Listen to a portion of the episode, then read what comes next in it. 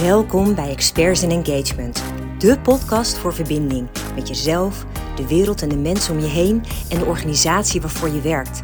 Ik vertel je van alles over geluk, werkgeluk, hoogsensitiviteit, gezondheid, lifestyle en fashion. Laat je inspireren en maak van geluk je lifestyle. Volg ook ons platform expertsinengagement.com voor leuke artikelen en een flow aan positiviteit. Yes, het is weer tijd voor een nieuwe aflevering.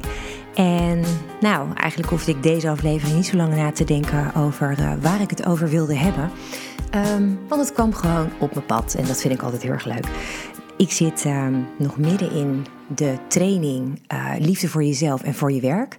Um, en dat is echt zo ongelooflijk leuk om aan te werken. Want elke keer denk ik ook bij bepaalde onderwerpen: oh, wat wil ik mensen hierover leren? Wat wil ik vertellen? En ja, daar zitten natuurlijk heel veel van die uh, standaard dingen in. Als we het hebben over liefde voor jezelf. Ja, hoe kom je nou tot liefde voor jezelf? Um, het is voor mij ook een behoorlijke weg geweest, om eerlijk te zijn. En nou ja, wat kom je tegen uh, als je op weg bent naar meer liefde voor jezelf? Is blokkades. Bepaalde dingen die uh, ergens in jouw systeem zijn ontstaan, zijn beland, die je eigenlijk het liefst zou willen opruimen. En nou ja, daar, daar, besteden we aardig wat lessen aan ook om te zorgen dat we dit soort dingen kunnen opruimen. En toen zag ik toevallig op uh, LinkedIn een oude vriendin van mij reageren op een oproep van, uh, van iemand. En dat ging inderdaad ook over beperkende gedachten. En hoe kun je nou beperkende gedachten omzetten naar helpende gedachten? Dat is heel erg NLP. Um, en ik denk ook een ongelooflijk belangrijke basis om vooruit te komen in het leven. Want zolang we in die beperkingen blijven hangen, ja, dan komen we gewoon geen stap verder. En um, je leven elke dag blijven leven zoals je nu doet, als het je niet blij maakt, dan wil je dat toch niet. Dan wil je dus juist wel die veranderingen aangaan. Maar dat is tegelijk heel erg spannend. En dat is dus eigenlijk ook waar het over gaat als je het hebt over blokkades. Um, wat is het wat jou dus continu op deze plek houdt, waardoor je niet vooruit komt? Er zijn um, volgens Louise Hay vier hoofdcategorieën in gevoelens die bij blokkade steeds de kop opduiken. En zij benoemt dan kritiek, angst, schuld of wrok. En de vraag is dus: als jij je kritische stem weer hoort, hoe kun je dat linken aan een van deze gevoelens? dus als je een bepaalde gedachte steeds op, uh, op krijgt bij jezelf, um, wat, wat is dat dan voor gedachte? Waar kan je die aan linken? Kan je die linken aan kritiek of juist aan angst of aan schuld of aan boosheid? want um, wat je bijvoorbeeld ziet is als mensen vroeger hun boosheid nooit mochten uiten, dan zijn ze dat allemaal een soort van gaan opkroppen. En dan is er een hele grote kans dat je dus nu last hebt van wrok. En daarmee bedoel je dus vooral eigenlijk een soort van onderdrukte woede. Dus op het moment dat je dingen in je vroegere leven vaker um, voorbij kreeg, vaker mee te maken kreeg, dan wordt dat onderdeel van jouw zijn, van jouw bestaan. Alleen het vervelende is dat negatieve gedachten uiteindelijk je gezondheid verzwakken, je immuunsysteem. Dus ik ben er ongelooflijk voorstander van om vooral die negatieve gedachten op te ruimen. Ze brengen je niet verder, ze houden je klein. Ze houden je op een plek waar je niet volledig gelukkig bent. En ik denk dan, oké, daar mogen we dus mee aan de slag gaan. Dat is een van de dingen die we in de training dan ook heel erg actief doen. Um, juist omdat ik merkte aan mezelf, toen ik niet blij was, toen ik het idee had dat ik niet vooruit kwam, toen merkte ik heel erg dat dat dus te maken had met zelfkritiek vooral. En daar ben ik heel erg bewust mee aan de slag gegaan. En het mooie daaraan is wel dat ik ook mijn eigen groei nu kan zien over de afgelopen jaren. En ik vind het zo ongelooflijk te gek om ook jou daarin mee te nemen. Uh, om ook die stappen te kunnen zetten. Om blijer met jezelf te kunnen zijn. Weet je hoe mooi dat is? Weet je hoe fijn je dan voelt? En vooral hoeveel mooie dingen je daar dan weer mee aantrekt. Dus ja, dat is voor mij, ik denk wel de grootste motivator van ook die hele training. Gewoon dat ik voor zoveel meer mensen wil dat ze lekkerder in hun vel zitten, blijer met zichzelf kunnen zijn en daarmee ook meer blijheid uitstralen naar de wereld. Maar om daar te komen zul je dus eerst moeten bedenken hoe je aan die negatieve gedachten komt. Is op zich natuurlijk niet zo heel vreemd hè, als je erover nadenkt. Ehm, dat je allerlei ervaringen hebt in je leven vanaf jouw jongste persoon. Allemaal herhalingen die zich hebben herhaald, uh, ervaringen die zich hebben herhaald, zeg maar, die ehm, ook uiteindelijk daardoor je overtuigingen zijn geworden. Hè? Dus op het moment dat een bepaalde ervaring uh, steeds terugkeert in je leven, bijvoorbeeld dat je uh, regelmatig een gevoel van afwijzing had door een van je ouders of beide ouders, dan krijg je de overtuiging um, dat jij het waard bent om afgewezen te worden. Je bent het niet waard, blijf, voel je dan, um, dat mensen er voor je zijn. En dat heb je bijvoorbeeld ook met kritiek. Als je altijd kritiek kreeg in je jonge leven, dan draait jouw eigen kritische stem op dit moment nog steeds overuren. Maar de vraag is, hoe word je daar bewust van? Hè? Want je hebt dus al die negatieve gedachten. En in 9 van de 10 uh, momenten zijn dat onbewuste gedachten. Ben je daar helemaal niet scherp op? En daar zit nou juist een cruciaal punt. En ik luisterde een tijdje geleden een uh, podcast uh, van Vibestalk. En dat ging, uh, was met Dr. Roy Martina. En die had een hele interessante um, hoek. En dat vond ik, dat, ja, ik, dat sprak me heel erg aan. Hij had het erover dat je alles en iedereen om je heen mag zien als een spiegel. Dus elke gebeurtenis, elke opmerking die jou raakt, die heeft jou iets te vertellen, die heeft jou iets te leren. Dus gebeurt er iets rots, vraag je dan eens af waarom dat gebeurt. Wat wil die situatie jou leren? En ik vond dat een hele boeiende om er op die manier naar te kijken. Um, want kijk, op het moment dat, dat er iets gebeurt waarover jij je rot voelt, dan ben je er toch al over na het denken. dus dan zit je al bewust bij dat moment. Nou, dat is een ideaal moment om eens te kijken welke les er misschien in zit. En op het moment dat er dus iets rots eh, gebeurt, dan roept dat een bepaald gevoel bij je op uit die situatie. En het interessante is dan om eens te kijken, om echt de tijd te nemen om te bedenken op welke ervaring uit je verleden dat lijkt. Nou, ik had toevallig vorige week een hele interessante situatie. En ik denk dat die misschien ook wel voor mensen herkenbaar kan zijn. Ik had een, uh, een meeting waarbij ik een, uh, een, een employer value proposition um, ging bespreken met de opdrachtgever. Nou, dat houdt in dat er een stukje tekst op papier staat waarin de belofte benoemd staat van die werkgever richting de arbeidsmarkt. Nou, ik had dus een stukje tekst daarvoor geschreven. Uh, en stukje tekst komt natuurlijk niet zomaar uit de lucht vallen, maar dat uh, was gebaseerd op het interne onderzoek dat we hebben gedaan, waar 633 mensen aan hadden meegewerkt. Dus het is ook niet dat het over één nacht ijs was gegaan, maar dat we echt heel erg veel input hebben gekregen vanuit de organisatie. En tijdens die meeting hadden we te maken met een voorzitter van de Raad van Bestuur, die in een paar zinnen eigenlijk alles afbrandde wat er op papier stond. En er gebeurde iets heel interessants eigenlijk. Want, nou ja, wat er eigenlijk waar het op neerkwam is dat um, uh, in eerste instantie uh, zij liet, uh, deze man vooral het liet overkomen alsof ik de plank mis had geslagen. En um, oké, nou kan gebeuren, weet je. Misschien dat, dat hij ergens iets gezien heeft dat ik gemist heb, dat kan. Dus ik vroeg ook uh, waar dat dan in zat en wat hij dan anders wilde. En uh, hij wilde dus vooral een belofte doen van dingen die er nog niet waren. Ik zeg, nou, dat is ook prima. maar dan moeten we daar wel eerlijk in zijn. En dat we dus um, nou ja, daar nog een weg in te gaan hebben. Um, uiteindelijk, wat is er gebeurd? Um, ik heb aan hen gevraagd om op papier te zetten waarvan zij denken um, dat dan hetgeen is wat ze dus wel echt kunnen beloven en waarvan ze ook zeggen dat gaan wij waarmaken. En toen gebeurde er iets heel bijzonders, want toen kreeg ik dezelfde middag, einde van de middag, kreeg ik een, een tekst toegestuurd. Wat zij dan hadden opgesteld. En het meest aparte daaraan was dat bijna alles in die tekst al was wat er in mijn tekst stond, het was alleen anders verwoord. En ik vroeg me dus ontzettend af van hé, hey, maar ik kreeg er best wel een naar gevoel bij. Ehm, want ja, kritiek is natuurlijk nooit heel fijn. En al helemaal niet als, als je het gevoel krijgt dat wat jij allemaal hebt zitten doen totaal afgebrand wordt, omdat je er volledig naast zou zitten. dan heb ik het gevoel van falen. Dan denk ik dat ik het helemaal verkeerd heb gedaan.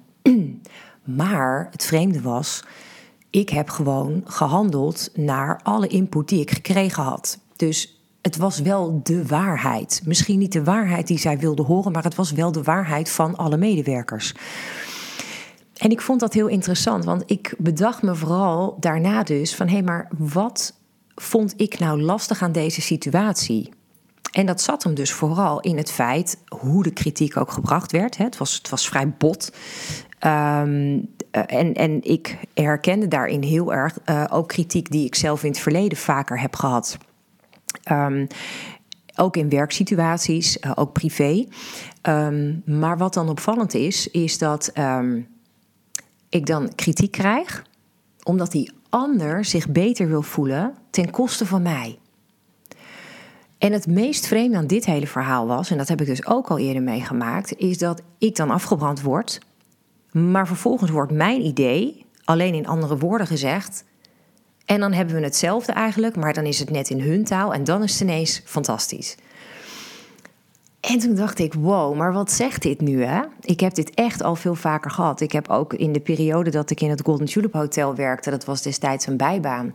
Toen had ik ook ideeën aangedragen bij de, het hoofd van toen de receptie. En dat werd ook helemaal afgebrand. En uiteindelijk uh, hoorde ik later terug van de general manager dat zij daar dus met die ideeën naar de general manager was gegaan, alsof zij dat allemaal bedacht had. Toen dacht ik, wat?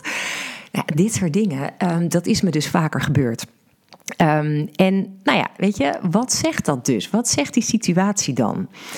En ik zag het alleen maar ook als ik terugkijk naar degene die dan die kritiek naar mij uitspreekt, dat dat degene is die heel erg erkenning zoekt en mijn input daarvoor dus gebruikt.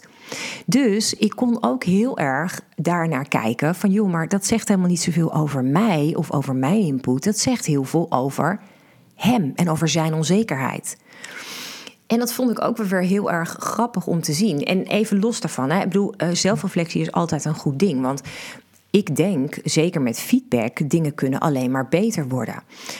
Um, alleen, ik denk wel dat er verschillende vormen van feedback zijn. Je hebt constructieve feedback en je hebt afbrekende feedback. Nou, dit was het laatste.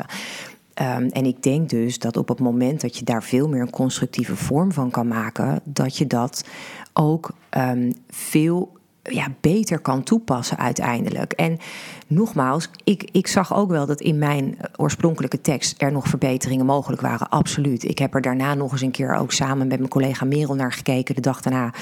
En gewoon even met een frisse blik, uh, gewoon eventjes de boel nog eens een keer helemaal opnieuw gedaan. Um, en ja, dan wordt het ook soms een betere versie. Zo simpel is het ook gewoon. Mag ik ook aan mezelf toegeven. Ik ben ook niet op elk moment op mijn scherpst. Weet je, zo simpel is het ook. Dus zo'n situatie met kritiek. Dat zegt aan de ene kant uh, ook iets over mij, dat ik misschien dingen beter had kunnen doen. Maar goed, daar is ook zo'n feedbackronde voor. Hè? Dat vragen we niet voor niks. Dus dan weet je ook van hé, hey, er komt iets. Um, en dat is helemaal oké. Maar de vraag zat hem dus voor mij vooral in de manier waarop. Een bepaalde arrogantie mijn kant op. Um, ja, ik, ik kon het ook niet helemaal plaatsen. Het, het had een, een licht. Um, zonder dat ik daar hele slechte dingen over zeg, maar het had een licht, narcistische uh, uitstraling. Um, ja, en dat, dat, dat raakte me wel. En dat dit zit hem gewoon puur in, in ervaringen die ik dan dus weer heb vanuit mijn eigen verleden. Dus uh, ik vond dat een hele uh, boeiende. Want doordat ik heel erg kon bedenken wat mij nou raakte aan de situatie. En ik kon het herleiden naar een situatie zoals ik die vroeger heb gehad kon ik er dus ook makkelijker afstand van nemen. En kon ik ook zien dat het in die zin ook niet persoonlijk was. Want ja, hoe goed kent deze persoon mij nou niet? Um, dus dan kan je het ook gewoon loslaten. En het, het, punt is gewoon dat dus elke situatie kan uh, duiden vanuit iets in het verleden dat je raakte. En het punt is, op het moment dat je dat onder ogen durft te zien en daar niet steeds de schuld van aan anderen geeft, uh, maar dus heel erg beseft, ja maar wacht even, ik ben 100% verantwoordelijk voor mijn leven.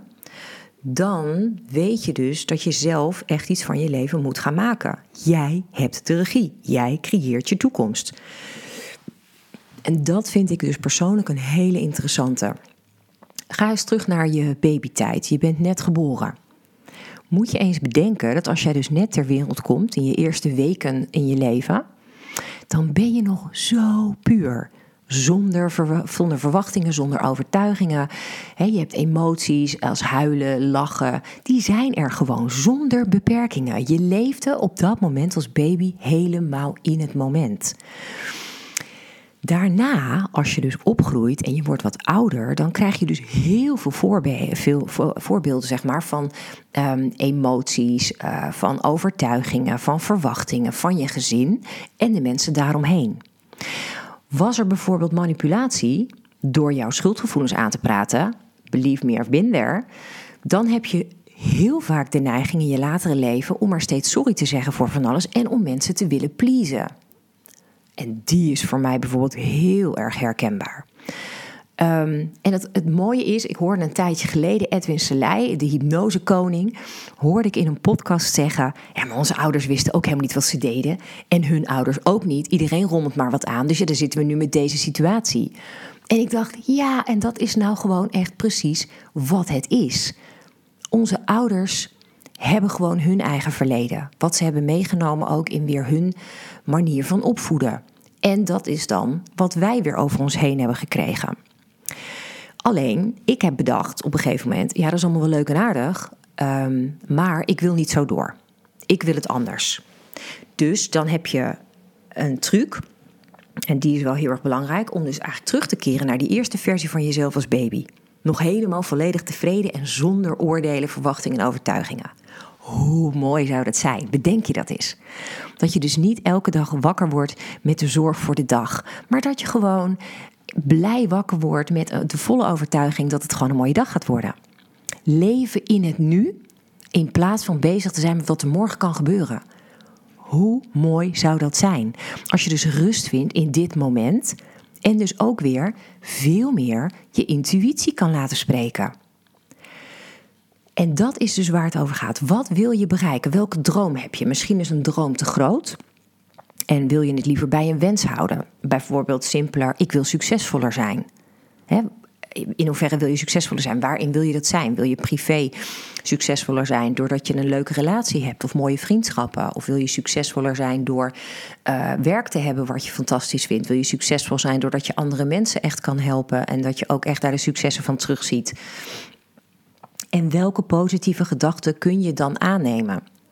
Je kan bijvoorbeeld als positieve gedachte tegen jezelf zeggen: Ik hou van mezelf en ik ben succesvol. Stel je voor dat je dat doet. Je gaat voor de spiegel staan en je zegt tegen jezelf: Ik hou van mezelf en ik ben succesvol. Wat gebeurt er dan? Let eens heel goed op als je dit de eerste paar keer tegen jezelf zegt. Wat komt er dan aan gedachten in je op? Super interessant, want wat er op dat moment aan gedachten in je opkomt, dat zijn de blokkades die je in de weg zitten. En daarmee heb je dus ook de deur gevonden naar je werkelijke succes. Dus stel je voor, je zegt inderdaad: Ik ben succesvol. Je kijkt jezelf aan in de spiegel en je zegt dat tegen jezelf. Welke gedachte komt er op dat moment in je op? En die gedachte, welke emotie zit daar dan aan vast? Als je terugdenkt aan die vier categorieën: kritiek, angst, schuld of wrok. Wat gebeurt er dan? in mijn geval, toen ik hiermee begon en ik zei tegen mezelf dat ik succesvol was, moest ik ook tegelijk een beetje om mezelf lachen. Het was een combinatie van kritiek en angst die bij mij opkwam. Kritiek in de zin van, uh, ja, hoezo zou dat nou voor mij weggelegd zijn? Wat maakt mij dan zo bijzonder? Weet je, een beetje denigerend, een beetje naar beneden pratend. Maar ook angst in de zin van, maar hoe ga ik dat in vredesnaam waarmaken dan? Wie ben ik nou helemaal om dit te doen? En ik kon dat dus helemaal herleiden naar mijn eigen opgroeien en de onzekerheid van mijn moeder. hoe, ze, hoe mijn moeder dus weer haar onzekerheid op mij projecteerde en mij nou ja, bij tijd en wijle ook flink kon manipuleren, ook met die schuldgevoelens. En doordat ik dat kon herkennen, wist ik dus ook heel bewust dat het niet mijn oorspronkelijke gedachten zijn, maar die van haar. En daarmee heb je dus ook heel bewust ehm, de mogelijkheid om dus nieuwe gedachten aan te nemen. Je kan dus echt bewust kiezen voor nieuwe gedachten op het moment dat je die oude gedachten ziet. En je weet dus ook um, nou ja, waar dat zat, waar het wringt en hoe je het dus kan verbeteren. En wat mij wel heeft geholpen is de nieuwe gedachten in kleine stappen te doen, zodat ik zo makkelijker kan geloven. Dat, ik denk dat dat voor iedereen geldt. Op het moment dat jij meteen een gedachte aanneemt met ik ben succesvol, dan is dat heel groot. En dan is dat een soort van um, ja, bijna angstig, een enorme muur waar je tegenop ziet. Maar als je het kan opknippen, dus het concreter kan maken, maar wat betekent dan voor mij succesvol? Bijvoorbeeld, ik krijg een mooie nieuwe vriendschap uh, in mijn leven, dan kun je bijvoorbeeld daar, of ik verdien een mooie nieuwe vriendschap, dat is misschien nog wel een mooiere. Dat is denk ik wel een hele goede uh, om voor jezelf te kunnen gaan geloven. En Eén ding wat daarbij mij heel erg heeft geholpen en wat ik je heel graag wil meegeven, omdat ik hoop dat het voor jou ook wat kan doen. Um, ik heb tijdens een aantal meditaties mijn jonge ik opgezocht. En ik heb heel bewust contact gemaakt met mijn jonge Shani, zeg ik altijd. Um, en haar te knuffelen en ook gewoon te zeggen dat ze helemaal goed is zoals ze is. En te zeggen dat ik van haar hou.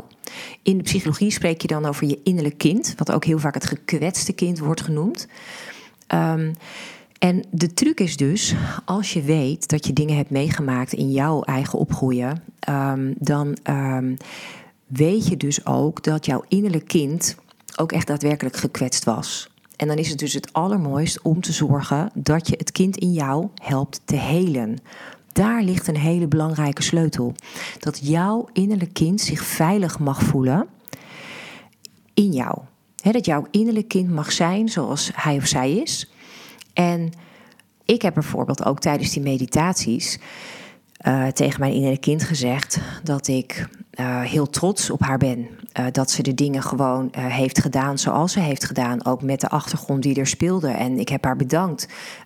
ook dat ze zo sterk is geweest en moedig om al die situaties toch met best wel wat kracht te doorstaan.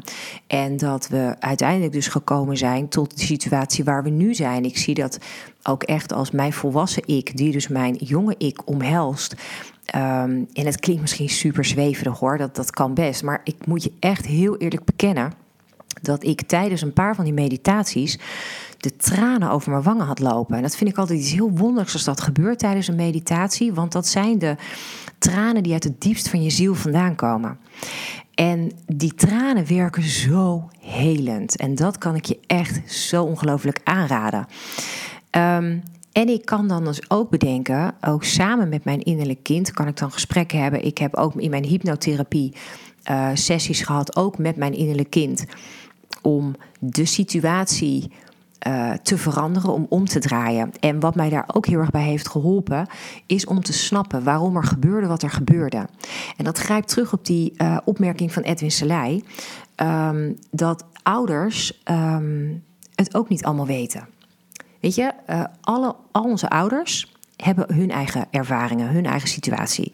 En als je ouders zelf rotte dingen hebben meegemaakt, dan is dat hun basis. Nou, en dat is wel het voorbeeld wat mijn ouders gehad hebben.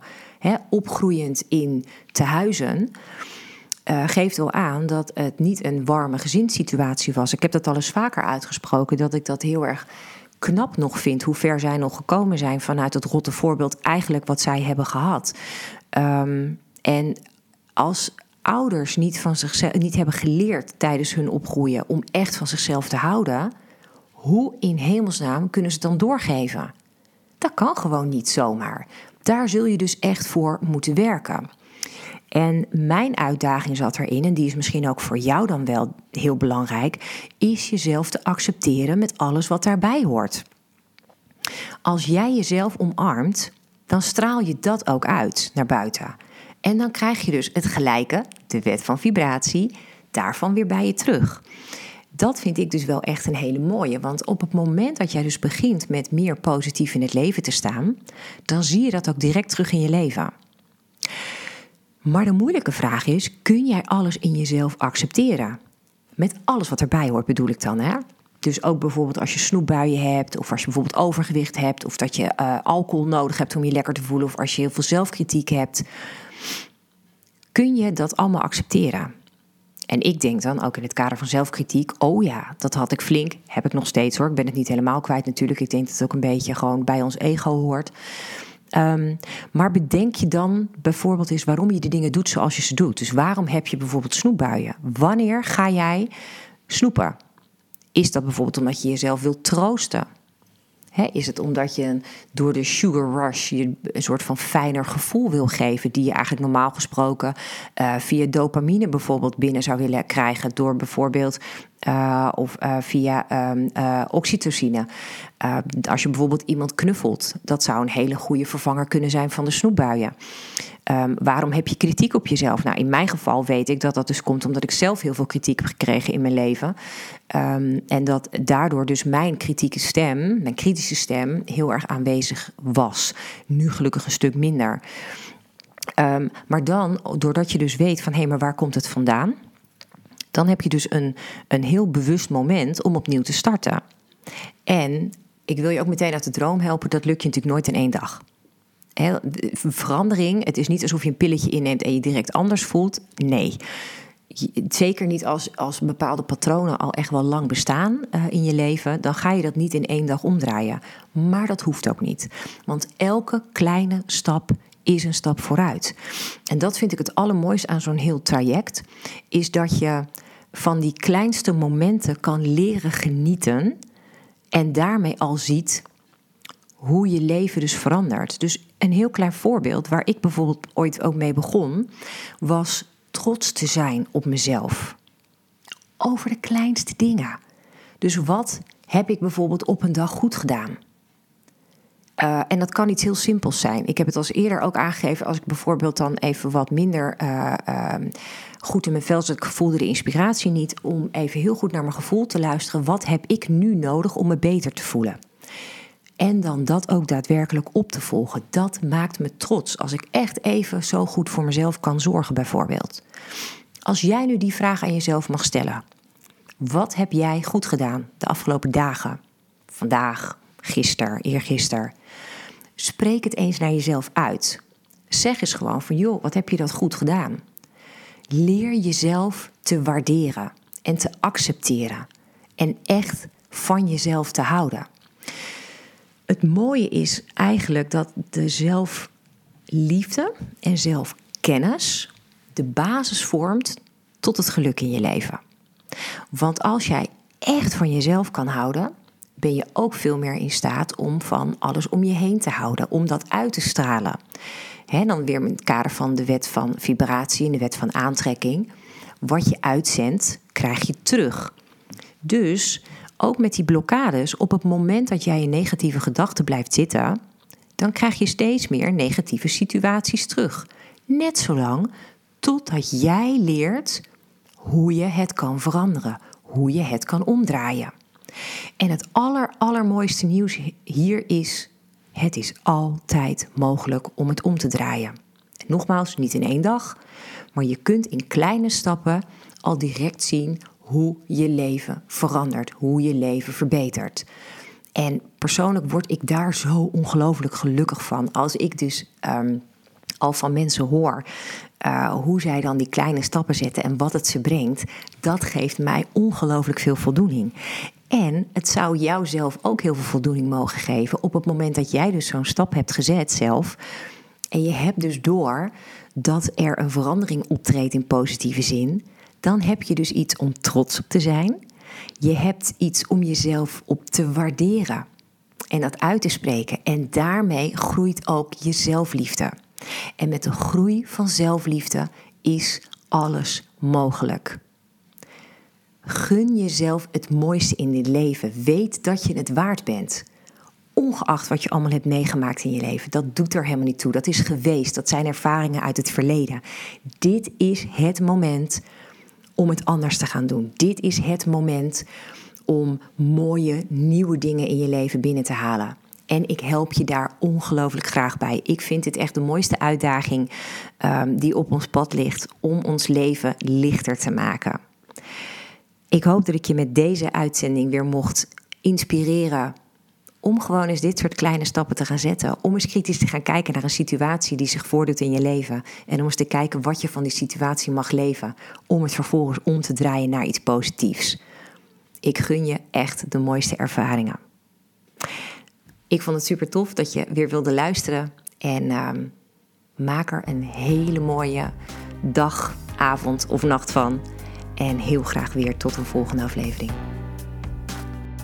Dank je wel voor het luisteren. Inspireert het je? Wil je dit dan alsjeblieft delen met de mensen om je heen? Of geef de podcast een beoordeling door gewoon simpelweg op de sterren te klikken. Zo bereik ik nog meer mensen en kan ik de wereld om ons heen wat lichter maken.